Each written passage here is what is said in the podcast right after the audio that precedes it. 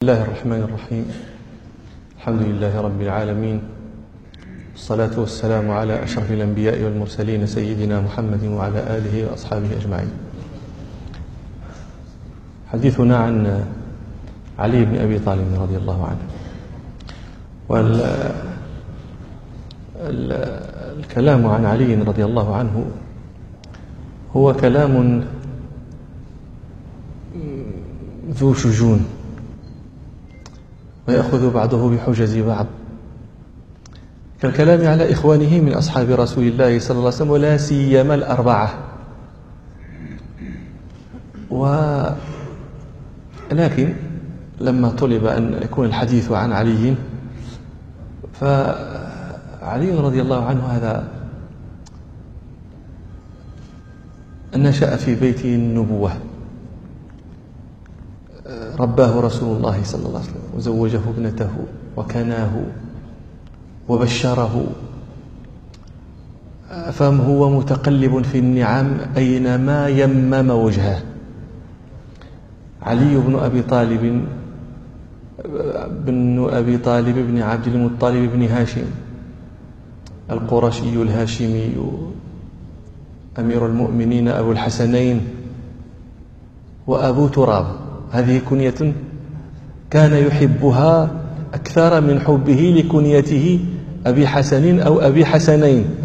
ولماذا كان يحبها؟ لأن رسول الله صلى الله عليه وسلم هو كناه بها. وقصتها ما رواه البخاري ومسلم في صحيحيهما. عن سهل بن سعد الساعدي رضي الله عنه قال أتى النبي صلى الله عليه وسلم بيت فاطمة فلم يجد عندها عليا. فقال لها أين ابن عمك؟ قالت كان بيني وبينه شيء فغاضبني فخرج ولم يقل عندي. لم يقل يعني لم ينم نومة القيلولة. فقال النبي صلى الله عليه وسلم لإنسان انظر أين هو. فخرج هذاك ونظر فوجده في المسجد رقد فيه ونام. فأتى رسول الله صلى الله عليه وسلم فأخبره قال هو في المسجد راقد. فخرج إليه رسول الله صلى الله عليه وسلم وأتاه. فوجده مضطجعا قد سقط رداؤه عن شقه وذاك الرداء ذاك الشق الذي سقط عنه الرداء قد أصابه التراب. فجعل رسول الله صلى الله عليه وسلم ينفض التراب عنه ويقول له قم أبا تراب قم أبا تراب. فجرت عليه الكنية من يومئذ فكانت تلك أحب كنيته إليه.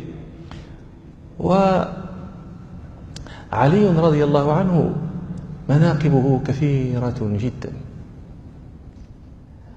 وكثير منها يدل على بطولات. هي عنوان الكلمة هي بطولات. كثير منها يدل على بطولة عظيمة وعلى شجاعة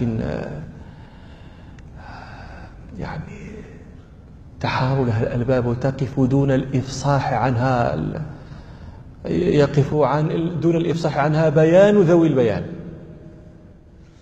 من أول ما ظهر من شجاعته التي يستغرب مثلها من مثله في مثل سنه ما تعلمون من بيتوتته في فراش نبي النبي صلى الله عليه وسلم. تدرون ما قال ماذا قال ابن عباس رضي الله عنهما عنها معلقا عن تلك الليلة؟ قال قد شرى ابن عباس نفسه في تلك الليلة. شرها أي باعها يحسب أنه لا يسلم لا يدرك صبح تلك الليلة. يقول له النبي صلى الله عليه وسلم نم في فراشه وتسج في برد هذا الأخضر. تسج فيه. ونم فيه إنه لا يخلص إليك بسوء. والنبي صلى الله عليه وسلم إذا قال فلا يمكن أن أن أن يمترى فيما يقول. لكن الطبيعة البشرية يمكن ما يكون السوء السوء الذي يقتل لكن السوء الذي يجرح السيف هذا الطاء وتتربص الضربة تنزل في كل وقت. فبات ليلته تلك وفي مغازي موسى بن عقبة أن قريشا باتت تختلف وتأتمر. أيهم يدخل على عليه فيوثقه. حتى أصبحوا فإذا هم بعلي رضي الله عنه فسألوه عن رسول الله صلى الله عليه وسلم فقال لا علم لي به. فعلموا أن رسول الله فاتهم. هذه من أوائل ما عرف. وهو في في ذلك الوقت غلام من الغلمان. يبيع نفسه كما قال ابن عباس. شرى علي بن أبي طالب نفسه في تلك الليلة لما بات في فراش رسول الله صلى الله عليه وسلم. هذه من أوائل ما عرف عنه وحينئذ هذا يعني أنا قلت لكم يستغرب مثل هذا من مثله في من مثل ممن هو في مثل سنه. لكن هذا علي ممن رباه ممن نشأ نشأ في بيت رسول الله صلى الله عليه وسلم. وهي شجاعة في الحقيقة شيء عرف في أهل بيت رسول الله صلى الله عليه وسلم. رسول الله كان أشجاع الناس كانوا إذا حمي الوطيس يتقون به. ولذلك لما سمع مرة في المدينة الصيحة وخرج الناس وجدوا رسول الله عائدا. كان أول الناس كان أسبقهم إلى معهد إلى إلى موضع الصيحة. وركب فرسا وركبه عريا. أصحاب الخيل يعرفون هذه القضية ليست سهلة. ينزل النبي صلى الله عليه وسلم على الفرس وهو عري ويذهب ويراها سبب الصيحة ثم يعود فيدركه أوائل الخارجين من الصحابة. أوائل الخارجين يدركون رسول الله صلى الله عليه وسلم عائدا فيقول يقول لهم لم تراعوا لم تراعوا. ثم يقول عن الفرس قد وجدناه بحرا. وهذه الشجاعة من آل بيت رسول الله صلى الله عليه وسلم. ولذلك يذكرون عن مولى إدريس. هذا المولى إدريس الأكبر. الداخل إلى المغرب صاحب دولة الأدارسة أول دولة حكمت المغرب وانفصلت عن الخلافة الإسلامية. هذا في بعض حروبه يراه المغاربة الذين بايعوه و... وقدموه. يرونه أكرمكم الله يبصق. بصاقا يعني مليء الفم ممتلئ بالبصاق. فجاء أحدهم وسأله قال يا فلان كيف يجتمع لك هذا الريق كله في فمك؟ أنت تبصق يعني هذا مفروض أن الريق كثير يجتمع في فمك. ونحن لا نكاد نجد شيئا نسيغ به حلقنا. يعني في الخوف. ألا يحس الخائف الفزع بيبس في فمه؟ بلى. معنى هذا يجد بصاقا كثيرا. فهمت؟ في فراشك مع أهلك فين هذا في حومة الموت كما يسمى عنترة. في حومة الموت. وتجد هذا؟ فقال له هذا شيء عرف فينا أهل البيت. يعني ما يصيبنا ذاك فهذا علي بن أبي طالب. يوم مما يذكر, يذكر من هذه المواقف العجيبة. ما وقع له يوم أحد. يروي أبو يعلى أن أن أن أن المسلمين لما وقع منهم ما وقع يوم أحد آه، ويعني وقع ذاك الذي ذكره الله ربنا سبحانه في كتابه. قال علي رضي الله عنه نظرت في القتلى فلم أرى رسول الله صلى الله عليه وسلم. هو فقده ما ما يبحث عنه.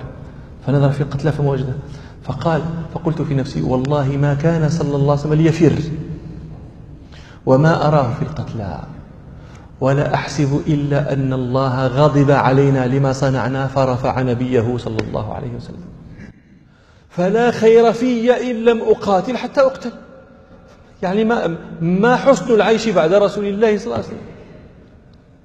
قال فكسرت جفن سيفي وحملت على القوم فأفرجوا لي فإذا رسول الله صلى الله عليه وسلم بينهم. من ذلك أيضا ما وقع منه يوم الخندق. الخندق هذا الأحزاب كانت تلك أول معركة وآخر معركة قبل فتح مكة. يجتمع أحزاب الأحزاب من غير قريش على حرب رسول الله صلى الله عليه وسلم. رسول الله صلى الله عليه وسلم لما دعا وصدع بدعوته قالت العرب جميعا دعوه وقومه. فإن ظهروا عليه كفيتموه. وإن ظهر عليهم حينئذ يكون لنا وله شأن. فتركوه. لما فتحت مكة كان ذاك علامة ظهوره صلى الله عليه وسلم عليهم حينئذ جاءت هوازن وكانت حنين إلى آخره. لكن هذه الأحزاب استثناء ولذلك لما ابتلوا بالأحزاب ورمتهم العرب عن قوس واحدة آه، كانت هذه الحيلة حيلة الخندق التي ما كانت تعهدها العرب لا تعرفها في حروبها إنما هي حيلة رأي من سلمان رضي الله عنه. والخندق هذا كبير جدا. يعني الآن أنتم ذاهبون إلى المدينة عندما يجيئكم إنسان من أهل المدينة فيريد أن يريكم الخندق. يقول لك هذا مسجد الخندق والخندق كلا هنا. هذا يحلم هذا إذا كيف؟ واد صغير يحمي المدينة كلها. هذا الخندق من يعني من كان احتوش المدينة كلها تقريبا كلها. يعني خندق كبير جدا جدا. ثم هو بعد ذلك يعني عميق. لذلك ما استطاعوا له حيلة كيف يقطعوه وكيف يخلصوا إلى المسلمين؟ إلا من جهة فكان فيه بعد الضيق. فقدر رجل من المشركين وهو عمرو بن عبد ود قدر على اقتحامه فاقتحمه. فلما اقتحمه جعل يصيح هل من مبارز؟ فقال علي أنا له يا رسول الله. فقال له رسول الله صلى الله عليه وسلم اجلس إنه عمرو. فجلس. فذاك يصيح. ألا أين جنتكم هذه التي تزعمون أنه من قتل منكم دخلها؟ أفلا تبرزون لي رجلا؟ فيقول علي يا رسول الله دعني أخرج إليه. فيقول له رسول الله صلى الله عليه وسلم اجلس إنه عمرو. فذاك لما رأى لا أحد يبرز إليه صاح منشدا. ولقد بححت من النداء لجمعهم هل من مبارز؟ ووقفت إذ جبن المشجع موقف القرن المناجز. إن الشجاعة في الفتى والجود من خير الغرائز. فقام علي فقال دعني له يا رسول الله. فقال له رسول الله صلى الله عليه وسلم إنه اجلس إنه عمر. فقال علي وإن كان عمرا. فأذن له فأتاه علي وهو ينشد لا تعجلن فقد أتاك مجيب صوتك غير عاجز. في نية وبصيرة والصدق من خير الغرائز. والصدق منجى كل فائز. إني لأرجو أن أقيم عليك نائحة الجنائز من, طعن من ضربة النجلاء يبقى ذكرها عند الهزائز فقال له عمرو بن عبد ود من أنت؟ قال علي. قال ابن عبد مناف قال ابن أبي طالب. فقال له عمرو بن عبد ود يا ابن أخي إن من أبناء أعمامك من هو أسن منك فارجع فإني أكره أن أري قدمك فقال له علي رضي الله عنه وأنا والله لا أكره أن أري قدمك. فحمي حينئذ الرجل ونزل عن فرسه واخترت سيفه وتبارزا. فضرب عمرو بن عبد ود عليا ضربة اتقاه بدرقته. تترس بدرقته فالسيف لقوة الضربة يعني عض في عض في الدرقة فما استطاع ذاك له تخليصا. فضربه علي فقتله فكبر المسلمون فسمع النبي صلى الله عليه وسلم التكبير فعلم أن عليا قتل عمرو بن عبد ود من بطولته علي رضي الله عنه ما وقع له في يعني أنتم ترون كأنه في كل حرب له شيء. في في في في معركة خيبر قصته مع كان مريضا. والنبي صلى الله عليه وسلم يفتح المسلمون يفتحون حصون خيبر خيبر كان فيها آطام وحصون كثيرة. لكن عسر عليهم هذا حسن حسن مرحب اليهودي. هذا تعسر ففي يوم من الأيام قال رسول الله صلى الله عليه وسلم لأدفعن الراية غدا إلى رجل يحب الله ورسوله أو يحبه الله ورسوله يفتح الله عليه. فتشوف لها الصحابة أجمعين. فسأل عن علي فقيل له إنه أرمد مصاب بمرض في عينه. فقال أدعوه. فأتاه فبصق رسول الله صلى الله عليه وسلم في عينيه فزال داؤه وأعطاه الراية. كان ذاك مرحب. قبل هذا إذا خرج هذا ملك خيبر هذا مرحب اليهودي. يخرج ويرتجز. قد علمت خيبر أني مرحب. شاكي السلاح بطل مجرب إذا الحروب أقبلت تلهب. فخرج إليه رجل من الأنصار. عامر يقال له قد علمت خيبر أني عامر شاكي السلاح بطل مغامر. فاقتتلا. لكن قدر الله أن عامرا هذا أراد أن يضرب آه، مرحبا فانقلبت ضربته على نفسه فمات. أصاب أكحله فكان فيها نفسه كانت فيها نفسه نفسه. ابن أخيه يسمع المسلمين يقولون بطل عمل عامر قتل نفسه. فذهب إلى رسول الله صلى الله عليه وسلم يبكي. فقال له النبي صلى الله عليه وسلم قال قد زعم الناس أن عمي عامرا بطل عمله قتل نفسه. فقال النبي صلى الله عليه وسلم من يقول هذا؟ قالوا يقولون بعض أصحابك يقول فقال النبي صلى الله عليه وسلم من قال ذلك فقد كذب إن له أجره مرتين. وحينها دعا عليا فخرج مرحب هذا. يرتجز. قد علمت خيبر أني مرحب. شاكي السلاح بطل مجرب. إذا الحروب أقبلت تلهب. فدخل عليه علي وأنشده. وهذا في مسلم الحديث. أنشده الأبيات المشهورة الأبيات المشهورة. آه، أنا الذي سمتني أمي حيدرة. كليث غابات كريه المنظرة. أوفي لهم بالصاع كيل السندرة. قتل مرحبا. سلام هو هذه بطولاته في الحرب كثيرة. كثيرا لذلك غضب جدا لما كانت في تلك الفتن التي أدركها شيخا كبيرا وخطب مرة في قومه في شيعته في أتباعه وقال لهم قولته المشهورة ليت لي بعشرة منكم واحدة من أهل الشام صرف الدينار بالدرهم. يعني ما, ما, ما لا يطيعونه. آه، إذا إذا قلت لكم في الصيف آه، يعني حملتكم على الحرب قلتم هذا الحر. إذا قلت لكم البرد قلتم هذا البرد. حتى قالت قريش إن علي بن أبي طالب لرجل لكن لا رأيه بالحرب. لله أبوهم وأيهم أعلم بها مني. وقد وقد دخلتها شابا والآن قد نيفت على السبعين لكن لا رأي لمن لا يطاع. لكن يعني أنا أحب أن أذكر أيضا غير هذا من مناقبه. وإن كان يعني لا أحب أن أقتصر لكم فقط على على على هذا ولا أحسبكم تظنون أن علي رضي الله عنه انفرد بهذا. حمزة هذا أسد الله وأسد رسوله صلى الله عليه وسلم.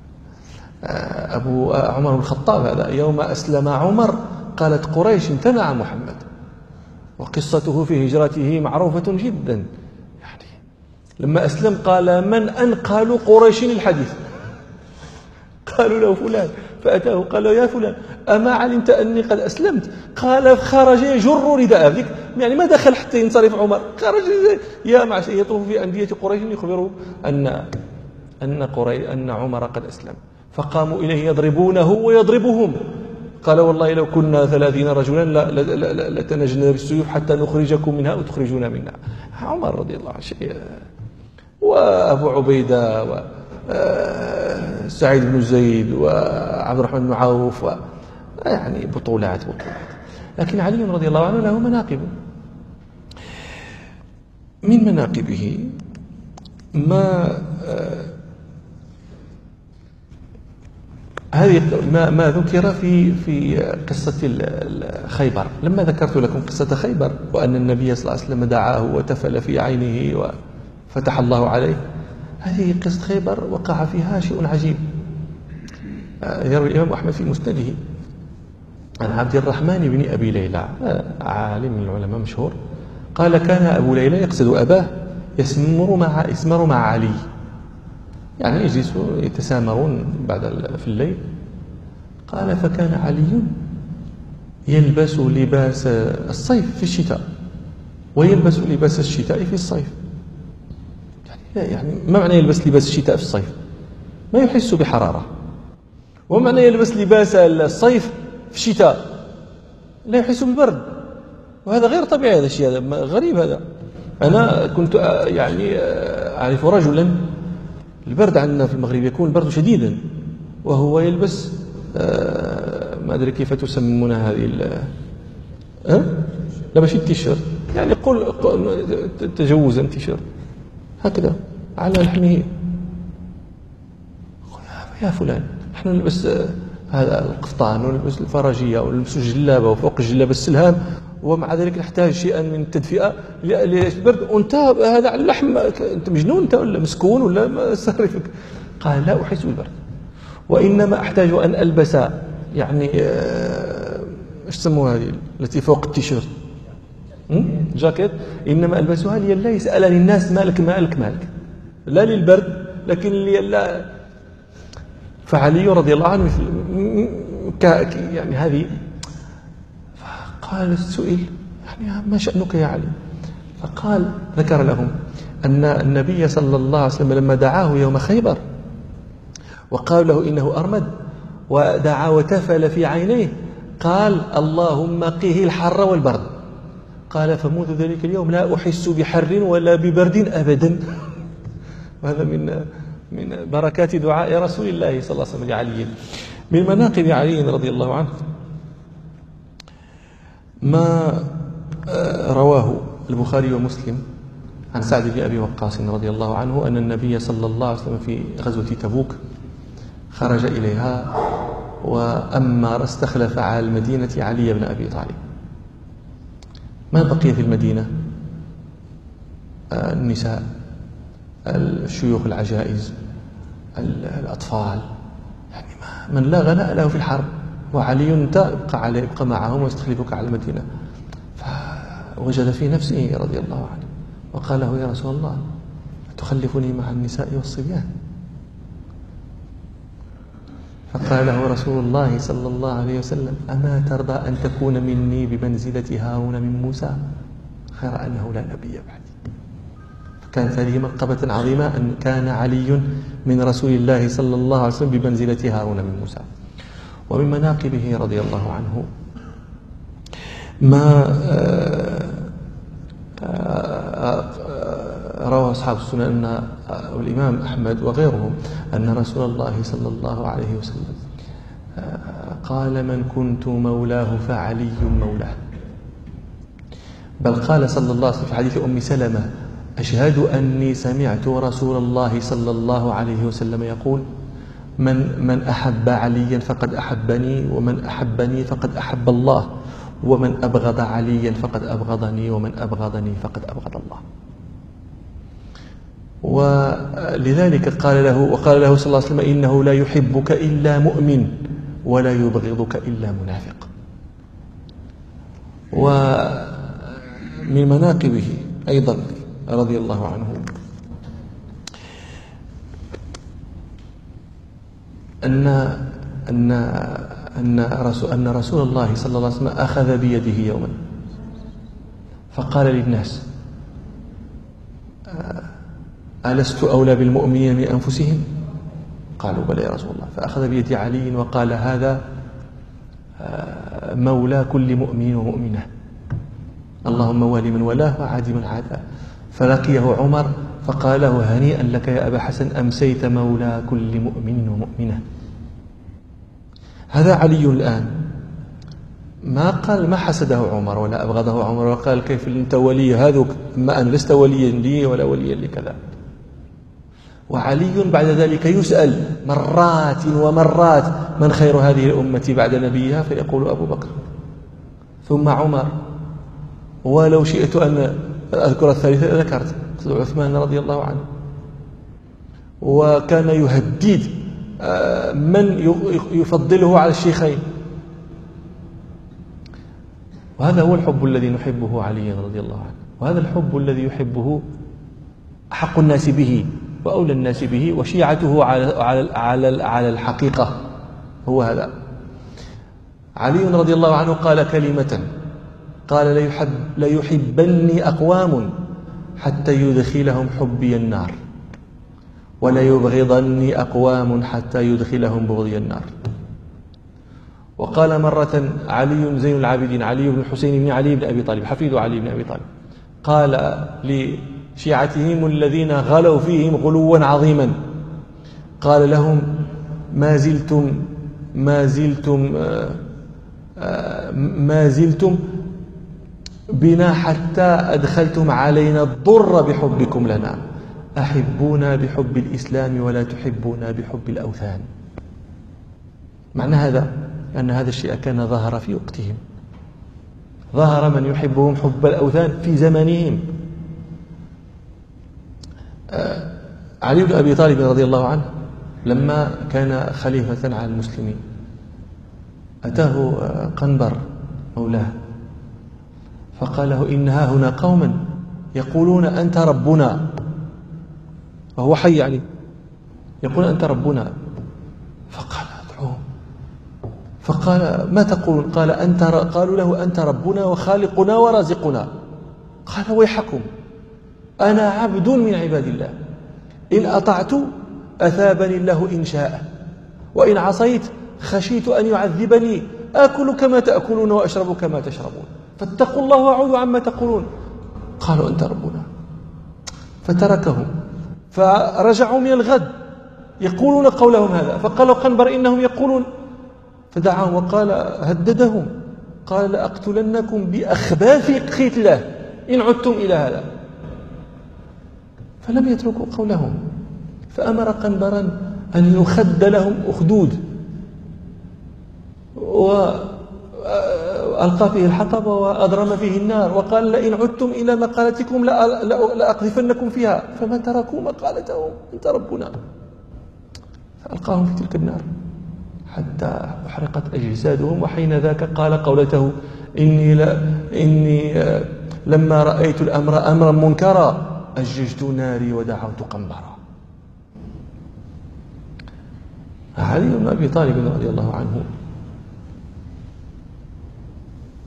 زمنه حياته يمكن أن تقسمها ثلاثة أطوار ثلاثة أطوار. الطور الأول إلى موت رسول الله صلى الله عليه وسلم. وهذا طور علي رضي الله عنه وسط إخوانه من من أصحاب رسول الله صلى الله عليه وسلم في موضع الرعاية من الجميع. الطور الثاني هو من من من موت رسول الله صلى الله عليه وسلم إلى أن ولي هو. وهذا طور. يعني شهد آخره فتنا. فتنا سلطت على المسلمين غضبا من الله عز وجل على قوم قتل عثمان بينهم شهيدا. فتح باب الفتنة منذ قتل عثمان على هذه الأمة. هو كان كسر بعد قتل عمر رضي الله عنه كما في حديث حذيفة في الصحيح. لكن تدارك الله الأمة بعثمان رضي الله عنه واطمأن الناس وعاشوا عيشة ما عاشوا نظيرها في عهد أبي بكر ولا عمر. ولكن يقتل خليفة خليفة المسلمين يقتل ظلما شيء غضب الله لأجله ففتحت باب أبواب الفتن على هذه الأمة. إلى الآن ما زالت آثار تلك الفتن إلى الآن يعني يرى الناس آثارها ويحرقهم ضرامها. فعلي رضي الله عنه أدرك هذه الفترة وكان ما كان في عهده من موقعة الجمل ومن موقعة صفين وما استقام له الأمر إلى أن أودى شهيدا رضي الله عنه. كان يعلم أنه يموت شهيدا مقتولا. جاءه مرة رسول الله صلى الله عليه وسلم فقال له يا أبا تراب أحدثك بأشقى الناس؟ قال نعم. قال أشقى الناس أحيمر ثمود عاقر الناقة. والذي يضرب هذا حتى تبتل منه هذه. ولذلك مرض مرة. فعاده بعض الناس فقالوا آه، يعني اشتكيت حتى خفنا عليك. فقال ولكني لم أخف على نفسي. يعني لا أموت في مرضنا. إنه عهد عهده إلي رسول الله صلى الله عليه وسلم. أني لا أموت حتى حتى يجيء أشقها. فيضرب هذا حتى تبتل منه هذه. ولذلك كان إذا نغص عليه أهل العراق عيشته لا يطيعون له أمرا. ويعني هذه الأمور التي وقعت في التاريخ كان يقول ما يحبس أشقاها. لماذا لا يأتي هذا أشقاها؟ فيضرب وننتهي من هذا الشيء. ما ماذا يحبس أشقاها؟ وسيجيء أشقاها. عبد الرحمن بن ملجم المراد عليه من الله ما يستحق.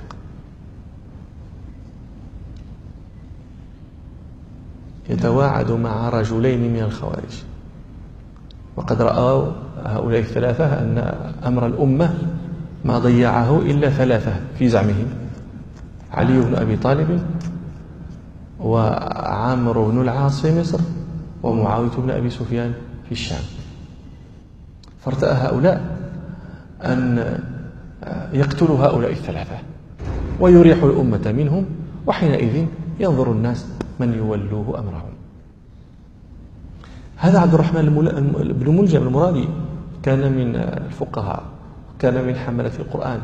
وكان عمر رضي الله عنه بعث إلى عمرو بن العاص في مصر أن أن أن يأمر عبد الرحمن بن ملجم هذا بأن يقرئ الناس القرآن ويعلمهم العلم. لكن هي الأهواء تعمي وتصم نسأل الله العافية.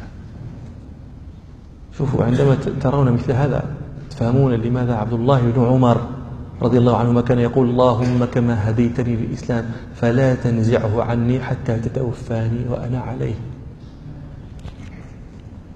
أم سلمة أم سلمة سئلت ما كان أكثر دعاء رسول الله صلى الله عليه وسلم؟ فقالت كان أكثر دعاء يقول يا مقلب القلوب ثبت قلبي على دينك. فلما أكثر قالت يا رسول الله أتخاف علينا؟ قال إن القلوب بين أصبعين أصابع الله الرحمن يقلبها كيف يشاء. يعني نعم أخاف عليكم. يخاف على من هم معه. إذا عن له شيء سألوه. ما, ما, ما, ما, ما يعني ومع ذلك يخاف عليهم. فكيف يقال في من بعدهم؟ ممن لا إذا, إذا ولوا وجوههم يمنة ويسرى لا يجدون رسول الله يسألون. فعبد الرحمن هذا وقع له هذا الشيء. فاجتمعوا واتفقوا في السابع عشر من رمضان الآتي. هذا يكون في دمشق وذاك يكون في الفسطاط وذاك يكون في الكوفة. يقتلونه الثلاثة في يوم واحد. وجاء هذاك الفسطاط ليقتل عمرو بن العاص. وذهب الآخر إلى دمشق ليقتل معاوية وذهب الآخر إلى الكوفة ليقتل عليا. أما عمرو بن العاص فأصبح في ذلك اليوم مريضا فلم يخرج يصلي بالناس وإنما خرج رئيس شرطته. فقتل فأخذوه. فلما أخذوه قال سمعهم يقولون اذهبوا به إلى الأمير اذهبوا به إلى الأمير اذهبوا فقال ويحكم من قتلت أنا؟ ولا يعرفه من وجهه. من قتلت أنا؟ قالوا يا عدو الله قتلت فلانا. آه، عمرو بن خارجة رئيس الشرطة. فقال أردت عمرا وأراد الله خارجه. فأرسلها مثلا. وأما معاوية فخرج للصلاة. فضربه ذاك فلم يصب منه مقتلا لكن أصاب منه آه، منسلا. أصاب منه آه، أنه يعني لا يمكنه أن يلد بعد ذلك. لا يمكنه أن ينجي. وأما علي رضي الله عنه فكان من عادته أن يوقظ الناس لصلاة الصبح. فهو يوقظهم في مسجد الكوفة ف يعني هجم عليه ذاك عبد الرحمن بن ملجمين فضربه آه، ضربة قاتلة.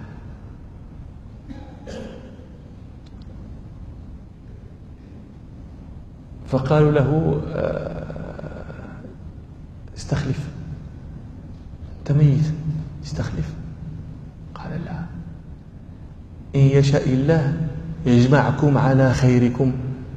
إن يرد الله بكم خيرا يجمعكم على خيركم كما أراد بنا خيرا فجمعنا على خيرنا بعد رسول الله صلى الله عليه وسلم. ومات. وهذا عبد الرحمن بن ملجم هذا هو الذي يمدحه عمران بن حطان خطيب الخوارج. ومفتيهم وقاضيهم ببيتيه المشهورين.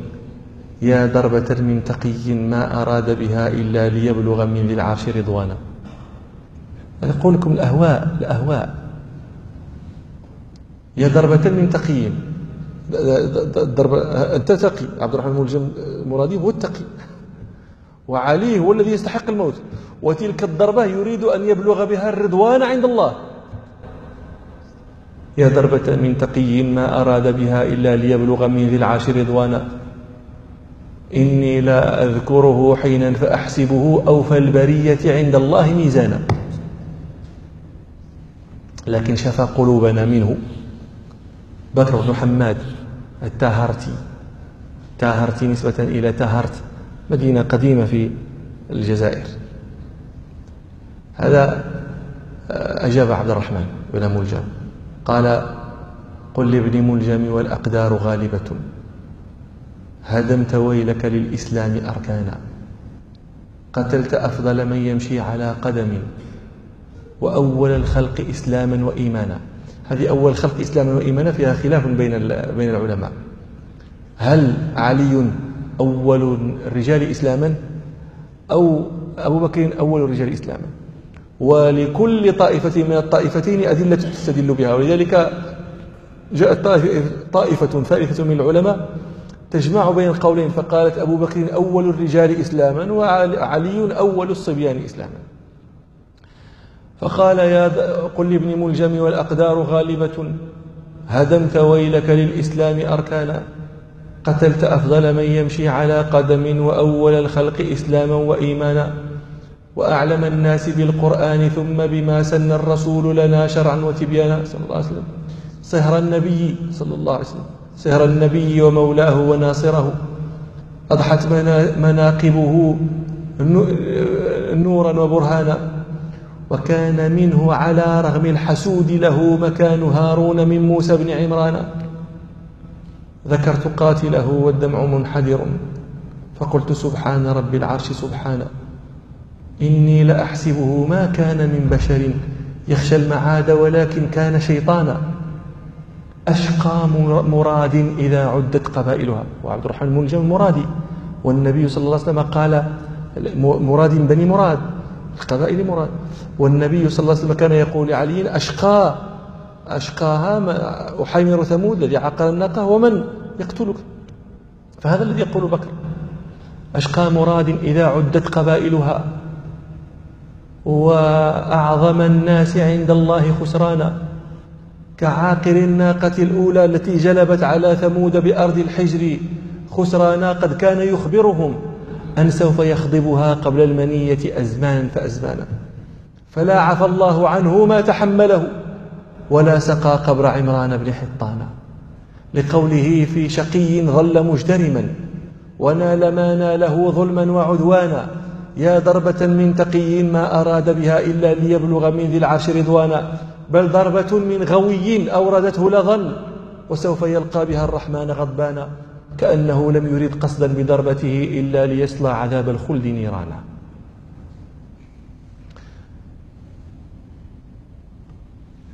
فهذا علي رضي الله عنه هذا بعض ما يقال فيه. وتتبع سيرته وتتبع مناقبه يأتي في مجلدات. وقد وفى العلماء جزاهم الله خيرا ورحمهم وفوا بأكثرها. وقال ابن مالك وليقس ما لم يقل والحمد لله رب العالمين.